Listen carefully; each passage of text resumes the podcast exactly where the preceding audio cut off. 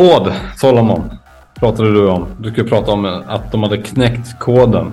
Precis, men jag tycker vi säger hej och välkomna till Lejonnästet allihopa! jag vill direkt in i det, men du vill sitta och snacka lite grann först. Ja, nej, vi ska hoppa direkt in i det. Vi avslutade förra episoden och pratade om potentiell kod i Bibeln, eller det andra, ja, i Matrix överlag liksom.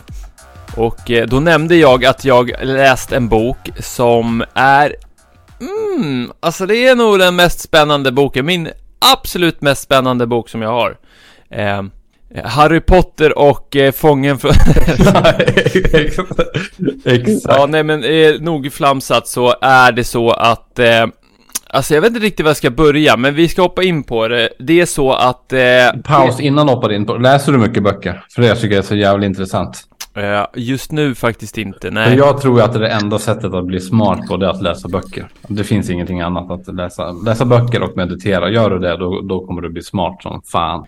Jag tror ju du tränar en skill som inte du får när du tittar på en skärm, alltså där du visualiserar, fantiserar, föreställer dig på en helt annan nivå. Så jag tror absolut you're into something. Men vad sa du, vad var det för bok?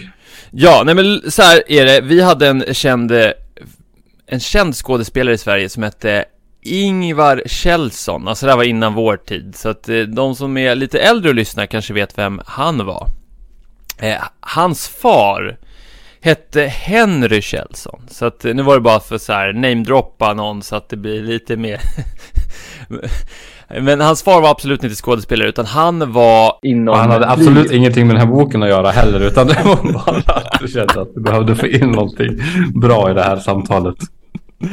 Skön plot twist. eller vi kör plot twist avsnitt idag. Ja, nej men i varje fall, Ingvar Kjellsons pappa, Henry Kjellson, han var en av våra mest framstående civilingenjörer. Han var inom flygvapnet, konstruktör och tog fram flera av våra militära plan på 30-40-talet typ. Eh, Henry Kjellson föddes 1891 och eh, han dog på 60-talet, så det var ett tag sedan han dog, men han var något besatt av vår liksom ursprung och var vi kommer ifrån. Och sen det att han tog konfirmationen så spenderade han liksom väldigt mycket tid i att forska kring Alltså så, ja men möjliga koder i bibeln, eh, vårt ursprung och det var en helt annan grej att få information på den här tiden, alltså all respekt för folk som faktiskt gjorde sin research då, det fanns ju inga internet och annat. Men det var också rätt kontroversiellt att liksom vara intresserad av vissa grejer och det är ju det ju fortfarande än idag. Det är ju inte så här, man får en skön foliehattstämpel om man är intresserad av vissa grejer. Så han var ju väldigt, vad ska man säga, gjorde det här i skymundan ända tills han pensionerade sig. Sen gick han all out och föreläste och blev väldigt populär. Han släppte flera böcker som, jag vet inte, det var ju begränsade upplagor, men de sålde slut direkt. Så att han byggde ändå ett litet namn inom, vad ska man säga, Alltså, jag tycker det är taskigt att säga mot han konspirations, eh, liksom, men ja, alternativ historia. Ja, men precis. Jag tänkte alternativ media innan alternativ media fanns. Exakt så, precis. Jag tycker också lite intressant det du säger eftersom han också var i, i, flyg, i flygvapnet sa du, han och, och den biten. Det var ju han också när vi pratade om han i Antarktis var ju också väldigt eh, engagerad i flyga flygplan. Så det kanske är något med de här som kör plan och piloter och de som håller på med den här typen av saker. Att det kanske är något, de har något utöver det vanliga. Ja, nej, jag tror verkligen det var en intressant, eh, det var en intressant twist. Alltså ja, jag tror det, för han var, hans första intresse var lite, okej, okay, kan de här, jag, jag för mig, det var ett tag sedan jag läste hans böcker, men jag kommer ihåg det viktiga till den här episoden, men jag för mig att han pratar om att han såg liksom tecken på att man kanske har tolkat fel Bibeln när man har översatt den från språk till språk och att det egentligen beskrivs om flera farkoster i Bibeln och liknande UFO. Så han hade ju en dille på det här, likadant som ja, Admiral Byrd vi pratade om som allegedly hade sett ufon också då. Och det ser du ju också som du pratar med ufon och sånt där också. Man ser typ målningar eller så här, de har avbildat saker från förr. Att det kan vara någonting suspekt Uppe i luften bakom Jesus eller bakom de här uh, Jesus uh, kristna gestalterna. Att det är bara fan det där, där bakom är nog inte ett mål utan det ser ju ut som att de har avbildat fucking ett ett tefat. Ja, och jag, det jag tycker är så intressant med sådana avbildningar och liknande, det är att du finner vad du letar efter. Alltså, har, kommer du in med en skeptisk mind, då hittar du absolut ingenting. Om du är alltså öppen och liksom för att kanske vi har varit mer framstående förr än vad vi är idag på många sätt och haft teknik som vi inte har tillgång till längre av någon anledning. Att det har väl försvunnit i någon flodvåg eller annat. Då ser man och då börjar man liksom se saker på ett helt annat sätt och upptäcka oj, den där avbildningen på den där bergväggen, hmm, det kanske inte är liksom ett moln som du säger, utan det kanske är något helt annat. Men, men han hade då knäckt en kod. Hela boken handlar om, som du pratar om nu, är att han knäck, knäcker, han knäcker koden. Så det, det, du gör nu det är att du spoilar hela boken bara för att... Nej men det är inte han som knäcker koden, så att det är en annan kille. det är på riktigt. Men alltså Henry Kjellson, jag ska faktiskt berätta en annan kodbok. Han skrev en, sista boken han skrev, han hann inte klart med den, den hette Sju nätter på Cheopspyramidens topp. Så snubben spenderade sju nätter högst upp på pyramiden. Och eh, han började, jag tror han var där 60, 61 och skrev då boken och sen hann han dö, men hans sö söner hittade boken och lyckades få hjälp av en eh, herre som jag inte kommer ihåg vad han hette nu, så de lyckades få ut boken och Oh, där, den, är, den är brutal. Alltså har ni någon möjlighet att få tag där ute, ni som lyssnar på Sju nätter på Cheopspyramidens topp av Henry Kjellson, så go and get it. För att eh, det är nog... Ja, den är, det är en bra science fiction, tänker man. Men det är hans egna liksom vittnesmål från vad som hände på toppen där. Och tänk, tänk, att, tänk, förlåt, tänk att få spendera sju dagar på toppen där. Det är helt omöjligt idag. Ingen hade ju låtit dig springa upp där liksom. Eller ja, springa, det tar ju ett jäkla tag att komma upp liksom. Men ingen hade ju låtit jag, jag känner ett, eh, jag känner ett äldre par som har, vad var det här då? Jag tror det var på 60-70-talet som de klättrade upp på. De fick hjälp av en guide att klättra upp på en av pyramiderna, bara några steg. Och de hade inte så, så långt. Och sen var de tvungna att klättra ner och det var väldigt mycket sådär. Men de kom precis undan redan då att inte bli tagna för att du vet, strålkastare tändes upp och du vet att de började jaga dem. Någonstans 60, 70, kanske 80-talet. Nu är det här paret 90 plus, så de, de, är, de är gamla. De kanske var 30-40 när, det, när, det, när det här hände. Så redan då var det ju svårt, alltså på 60-talet, att komma och sova där uppe. Alltså, och du vet, min konspirationslagda själ vill ju tänka, okej, okay, han var där uppe och han upptäckte saker som han ville berätta om och så dog han precis, för han blev väldigt akut hastigt sjuk. Sen visst, han var då, vad blev det? Ja men 70 år liksom, så han var inte purung. Men det var ändå så tajmingen för han när han skriver om de här häpnadsväckande sakerna som eh, händer på pyramiden. Så att eh, jag tror, ja, du säger det, det du berättar om paret, det var ju inte, kan inte varit så många, 10-15 år efter och, och liksom han spenderade ändå sju nätter på liksom den stora pyramiden. Så att, eh, ja, han kanske är den enda människan som har gjort det och skrivit en bok om det. Det kan ju faktiskt vara så. Men det är faktiskt inte den boken vi ska prata om. Alltså nu är det, det är plot twist idag, förlåt. Henry skrev några till böcker, jag tror han skrev fem stycken för att jag kan ha fel. Men jag har tre av de här böckerna. Eh, och den boken vi ska prata om idag, den heter Försvunnen teknik. Och det är också alla hans böcker. Har ni någon möjlighet att få tag på dem så go and get it. Den kom ut 1956. Eh, nu ljuger jag bara för att jag tycker om att ljuga. Skitsamma, den kom ut... Eh, den kom ut någon gång på 50-talet. Jag orkar inte sitta och bläddra här. Eh, men den eh, handlar om eh, diverse saker, bland annat får man följa, eh, han sammanfattar alla första iakttagelser, böcker skrivna om Tibet, alltså av västerlänningar skrivna berättelser. Det har jag pratat lite om, så vi ska inte gå in på det. Men sen handlar den väldigt mycket om han blev som besatt av förbundsarken. Vet du, vet du vad förbundsarken är? Nej, inte mer än att jag känner till ordet. Men det är som sagt, jag kan ju inte så mycket. Ibland kan jag svinmycket och ibland så kan jag bara ha hört ett ord någon gång. Sen har jag jävligt dålig koll. Har du sett Indiana Jones-filmen då, om förbundsarken? Nej, eller jo kanske. Vem är det? Vilken film är det? Det är när de är, alltså, är nere i ett för mig att det är i Egypten i Indiana Jones. Så, eller kanske, nej det är nog Jerusalem, förlåt, Israel. Så letar de, det är han, eh, vad heter han, Indiana Jones, eh, Henry Ford. Så letar de efter en stor, det är en guldkista som man får se i filmen. Är det då det med nazister också? Exakt, exakt. Ja, det är de här jävla nazisterna som dyker upp överallt. Och vet du vad det sjuka är? Den berättelsen, den filmen, det finns en riktig fucking bok nu, det är den vi ska prata om, som beskriver så likt det här som alltså är beskriven av en svensk herre om hans egen, alltså excavation som han höll, som han ledde. Som hette, han hette Johan Millen, jag ska kolla namnet, eh, för det måste vi få exakt så ni kan söka på det här. Och det är det Henry Kjell som sammanfattar även Millens bok, och jag har läst Millens bok. Och varför jag inte pratar direkt om Millens bok, eh, det är för att eh, Henry Kjellson, jag vill att ni ska, alltså han har många dörrar som han kan öppna för er. Så att det är därför jag vill att ni Ja, prata om honom istället. Som en avstamp var... till flera teorier som är spännande helt enkelt. Exakt, alltså du vet jag var ju så chockad när jag började läsa hans bok. Jag bara det här hittar jag inte ens på nätet. Jag hittar inte de här grejerna på nätet idag, 20 vad det var jag satt med det här, 2018 eller någonting. Och han, snubben letar rätt på det på 50-60-talet, alltså hur?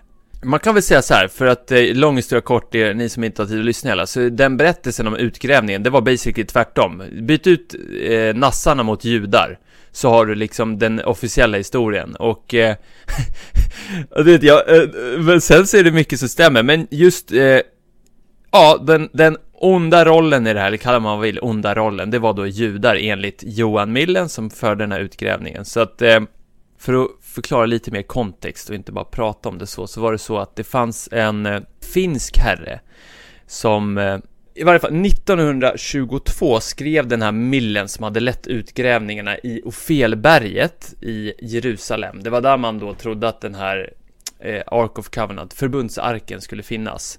Ja, Millen var i varje fall som ledde utgrävningar, men det, som det började från början var att det var en finsk civilingenjör som hette Juvelius. Jag tror han hette Walter om jag inte missminner mig. Men Walter Juvelius, vi kallar han så, eh, hade då hållit på väldigt länge och försökt letat efter en så kallad skifferkod. En skiffer, skifferkod är, vad ska jag säga, dold kod i text. Basically kan man väl förklara väldigt enkelt. Och eh, han hade i varje fall tro, trodde han kommit, lyckats knäcka en kod om var förbundsarken skulle finnas. Så han då översatte, han tittade på den hebreiska ursprungsspråket liksom. Det var inte någon svensk eller finsk bibel han satt med, utan han, han gick ju tillbaks så långt han kunde komma nära källan liksom till informationen. Och han övertygade en, en brittisk investerare som investerade massa pengar i att starta utgrävning för han var helt övertygad om att Walter Juvelius, han har fucking hittat något. Så de hittar, får kontakt med den här Millen, den svenska Johan Millen, eh, som skrev den här boken, några På rätta vägar. Eh, varpå de börjar utgrävning, eh, jag för mig att det var 1910 de började någonting, 1909, det var precis innan första världskriget i varje fall.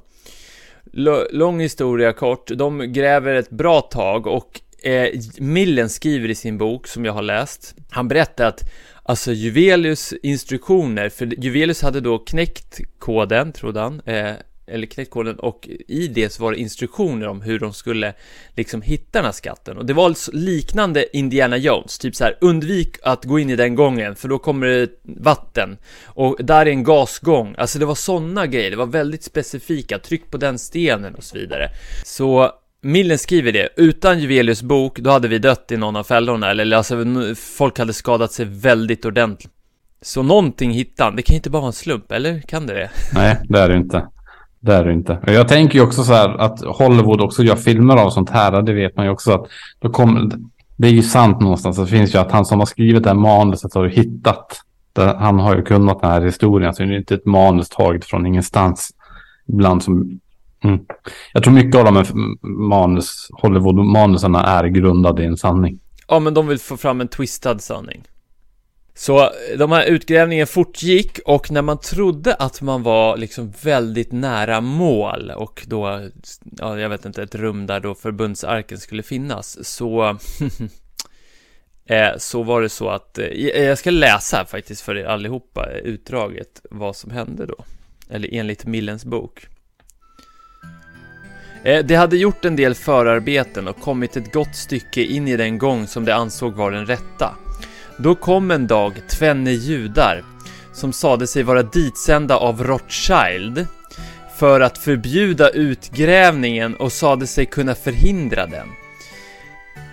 Följande dag insjuknade såväl engelsmannen som hans närmaste vän som följt honom. En fransk läkare tillkallades och så snart denne fått se engelsmannen utbrast han. Åh, nu har han fått det förfärliga giftet, nu kommer han att mista förståndet och tyna bort inom några veckor. Och så skedde också. Företaget upplöstes, den finske ingenjör var gammal, jag träffade honom för 14 år sedan och han dog snart därefter. Så det här stycket stod inte i boken, utan det hade då, eh, det jag läste nu, det fick Henry Kjellson skickat ett brev från en person som hade då träffat Juvelius som berättade hur det hade gått med utgrävningen. Så, så, att den informationen stod just inte i Bibeln. Men om det stämmer, eller i Bibeln, vad snackar jag? Den informationen stod inte i boken.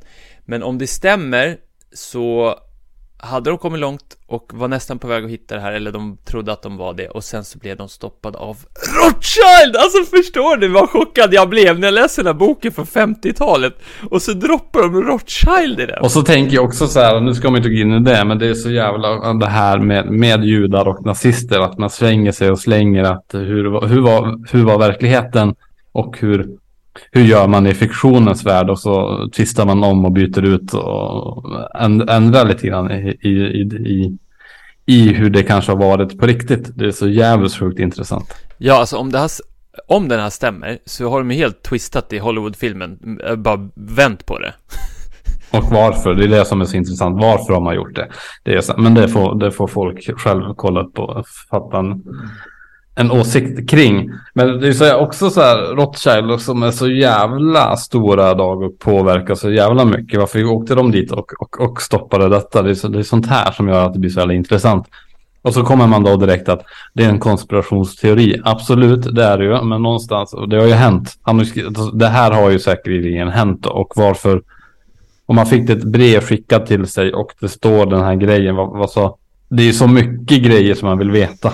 Verkligen. Det finns de som ifrågasätter att den här utgrävningen har hänt. Eh, jag har sett någon litet nyhetsartikel om det som bekräftar att det måste ha pågått något. Så det finns väldigt mycket eller väldigt mycket, det här är en väldigt liten skara människor som känner till det här, men bland de som har koll på det här så är det lite omtvistat huruvida det här faktiskt hände eller inte. Så det är ju faktiskt en konspirationsteori. Men jag tycker det är sjukt att Rothschild droppas, för jag vet inte, 50-60-talet, visst, alltså de var ju allmänt kända, det är saker som är nämnda efter dem i, överallt liksom, men var de utsatta för det? Hade de den kändisskapet eller svartmålningen då som de har idag? Det var väl massa hemliga möten där också runt 1910-1920-talet, där man satt med massa, det här kan jag också dåligt, men det var ju något något möte där, man, där de samlade de här Rothschild och alla de här stora familjerna och satt och bestämde liksom hur ekonomin skulle byggas upp och alltihopa. Som vart, det här mötet vart klassat också som en konspiration under hela 1900-talet. Men sen 2000 någonting så kom det faktiskt fram att det här mötet har ägt rum och folk som hade varit med på mötet har suttit och vittnat om att vi har suttit där och bestämt hur den ekonomiska strukturen ska se ut i världen. Och då gjorde vi på detta datum. Jag ska kolla upp vad det heter, men det är också så jävla jävligt intressant. Och det är åter som vi har pratat om tidigare, det är sån information som aldrig kommer anses vara liksom korrekt eller rätt om inte en myndighet, stat eller flera går ut och säger nej men det hände. Och jag tror också, för det här nämnde jag, det här tror jag också, och det här ska fan folk komma ihåg och kolla upp. Det är de här jävla George, stenarna, vad heter de, George, George... Uh... Georgia Guidestones.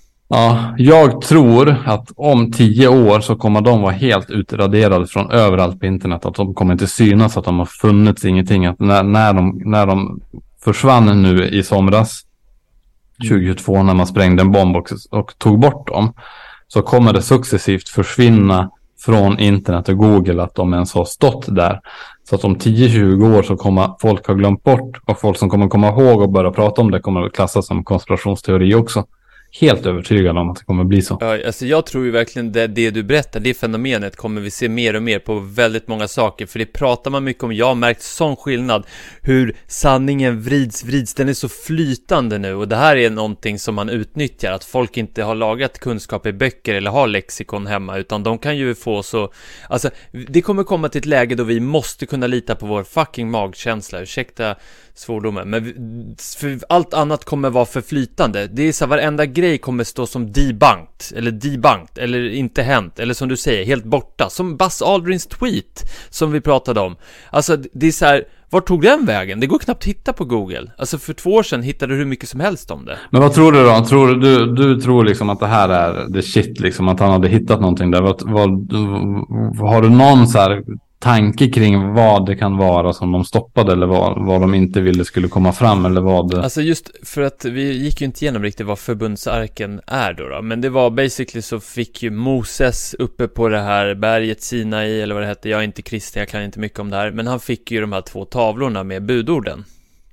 Eh, han, jag för mig att han förhandlade ner budorden, det var en jävla massa regler, men han lyckades få ner det till tio stycken i varje fall. Eh, och de skulle då förvaras och det var då man byggde den här som var gjord i något, jag för mig, något fint trä som man hade förgyllt med jättefint guld på in och utsidan och sen så eh, var det ett tungt guldlock liksom. Och det var ju så att innehållet sägs ju att man, tittade man på det då dog man liksom. Och det var ju ingen som hade tillåtelse att vara i närheten eller liksom se på det här förutom en överste präst. Jag vet inte vad, om man fick se innehållet och inte dog eller Alltså det är väldigt mycket sådana här snack Så man bar ju själva kistan Det var som ringar i alla hörn på kistan där man drog igenom pinnar för man inte skulle bära kistan direkt i sig av någon anledning också. Och Henry Kjellson, som också står mer om i den här försvunnen teknik, eh, han var övertygad om att innehållet i den här kistan, eller i förbundsarken, var någon typ av radioaktivt ämne. Och att, eh, för att det beskrivs här i Bibeln och på flera ställen om hur folk har liksom misshandskats med den här innehållet och dött och blivit, eh, ja men ni vet, olika grejer har hänt med dem. Och hans tolkning var att det måste vara någonting som är eh, radioaktivt, det måste finnas radioaktivt innehåll i förbundsarken också. Och han var ju så besatt av det, alltså killen, han åkte runt med en sån här gejermätare, alltså som mäter strålning, runt i Mellanöstern, till olika ställen, till de här mest heliga platserna och mätte, för att han var så okej, okay, 2500 år sedan ska det här ha skett och eh, strålningshalveringstid, så det måste ge utslag om det har varit på något ställe. Han hittade, han hittade utslag på två ställen. Och det sju, du ska få gissa. Bara gissa ett ställe. Var kan han ha hittat utslag där han tror att källan till det här en gång härstammade? Jerusalem säger jag. Ja, det var faktiskt ett ställe där som, som man hittade utslag. Nu kommer jag inte ihåg. Var det kungarnas tempel eller någonting heter. Men Eh, ja, eh, alltså för er som vill veta mer om det här, skriv till mig på Instagram, sol.o.mon, så kan jag ge er mer info korrekt nu, för nu höftar jag mycket, för jag läste den för flera år sedan, men jag har böckerna bredvid mig och är det något ni vill gräva i så hör av er. Men i varje fall så fick han utslag när han mätte i Cheopspyramiden i den så kallade sarkofagen. Där har han varit och mätt i kungens kammare och fått utslag. det är så sjukt coolt. Ja, det är så jävla helvete. Man vill ju... Det är sånt här som man bara vill och det är därför man ska läsa böcker också. För det är i böckerna som det finns den riktiga informationen. Verkligen, den här informationen vi har pratat om idag, den går basically knappt hitta på internet och absolut inte för engelskspråkiga. Jag har gjort ett inlägg på Reddit så att även engelskspråkiga, det blev rätt uppmärksammat faktiskt. Men Innan har det inte funnits på engelska den här informationen. Men du sa den här, vad heter den? Försvunnen teknik eller någonting sånt som skriven på 50-talet. Jag läste en bok förra sommaren som heter Framtidens teknik. Det är någonting mm. helt annat, men det är också fram. Det var en, en gubbe på, jag tror han, den släpptes också 56, 53 eller 56. Släppte den här, tror att han var svensk, uh, som släppte den här boken, att han beskrev då saker som skulle kunna hända i framtiden, att det skulle vara lite så här, han nailade vissa saker och var, var väldigt, eh, det var intressant. Så att han tog det man hade på 50-talet och så gjorde han en liten överslagsberäkning på vart vi kan komma någonstans. Men då i alla fall det som jag tyckte var mest intressant i boken var att han skrev då på 50-talet att nu har ju myndigheter och länder har maskiner som de kan kontrollera vädret med. Så det är klart att de kommer använda den tekniken till deras fördel. Helt svart på vitt liksom att så var det och det visste han om en vanlig jävla snubbe. Eller författare på 50-talet. Skriver liksom att det finns väder, väder, vädermaskiner som kommer användas. Men då är frågan, det är sjukt coolt, alltså jag, det här är så fascinerande. Det som jag ställer mig frågan, är det så att de här människorna, de bara lyssnar på sin magkänsla, så här, som vi pratat om den här magkänslan, när man ibland bara vet, eller är det att de har någon inside info? Jag vet inte, för där tror jag att han beskrev liksom den grejen liksom som han visste liksom att, att, att den fanns, inte att den kommer användas eller hur de använder den, men att vi, kan, vi har tek, ungefär som att vi har tekniken nu att flyga flygplan. Det vet ju du och jag, alltså vi har det, alltså that's it liksom. Vi har flugit sånt där, eller vi har tekniken med att vi kan dyka ner till eh, 3000 meter eller någonting sånt. Det hade man kanske inte för 200 år sedan, så, så, det, så det, det vet man ju bara. Men sen det att han säger att, att vi kommer använda det på, alltså om vi skapar tekniken och sen bara, äh, men vi kan kontrollera vädret, men vi använder inte det. Det är det han liksom så här, där har ni väl en magkänsla att det är klart som fan att man kommer använda sig av den på ett positivt sätt för att, ja, inte vet jag, göra så att de gjorde det på OS för något år sedan i, i Kina tror jag. De garanterade mm. ju fint väder i två veckor för att det liksom att de fixade det med, med en sån vädermaskin. Men hur mycket annat gör man med den här jävla tekniken? Alltså jag tror när det har kommit så långt till mänsklighet eller till allmänheten att vi får bli varse om att de gör det inför typ OS Då har man ju nog använt det en hel del i hemliga projekt. Eh, men det är ändå ett bold statement. På 50-talet allt, att, att vara helt övertygad om att det här finns, att det kommer användas liksom. För att eh, Alltså, det, jag, kan, jag har ingen aning om hur den här tekniken fungerar, men det känns ju brutalt. Så här, om det är en uppgift som är svår, okej, okay, ja men Alltså i paritet med typ att ta sig till månen eller Mars så är det så här, ja, men kontrollera vädret. det känns så jävla så här, okej, okay, vart börjar jag någonstans? så här, fuck.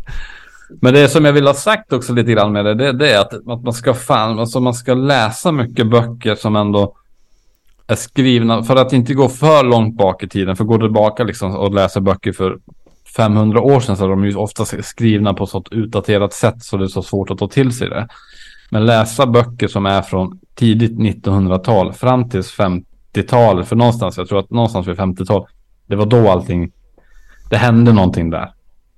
Och om det har att göra med ett världskrig som var på 40-talet som gjorde att det vart, det vart en förändring i världen runt 50-talet. Men att läsa saker av folk som har levt på 1920-talet som har varit tänkande individer eller forskat eller varit civilingenjör som du säger nu. För de satt på någon, de satt på en annan kunskap och kunde uttrycka den på ett annat sätt än vad man får göra idag.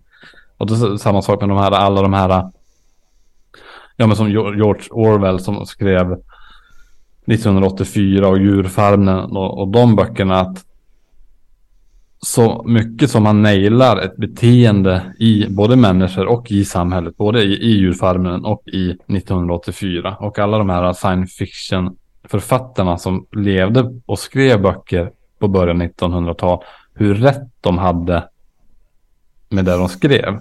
Det är också så här som du säger, hur visste de? Var det magkänsla eller var det att de hade någon annan information? Det, det är så här, men just den faktan i de böckerna, det är jävligt intressant att läsa och fundera och, och analysera. Ja, jag tror mycket på det här med magkänsla, för kolla på till exempel Tesla, Nikola Tesla och flera andra av de här absolut mest framstående, om vi ser till upptäckter och forskning och annat.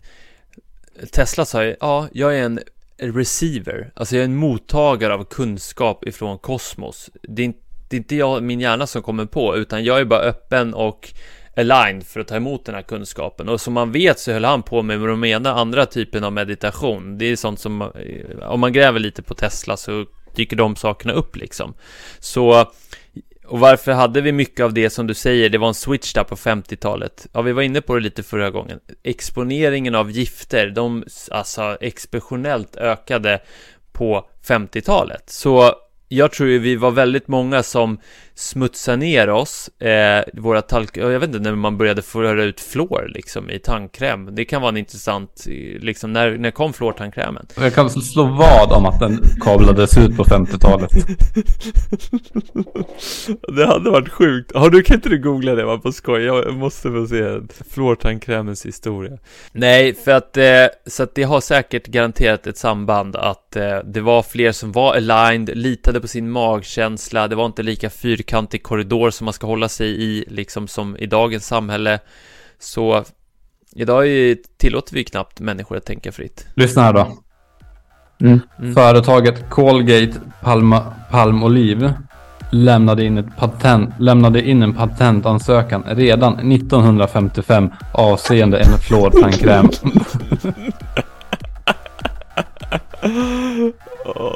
Där gick vi på magkänsla Martin, eller vad säger du?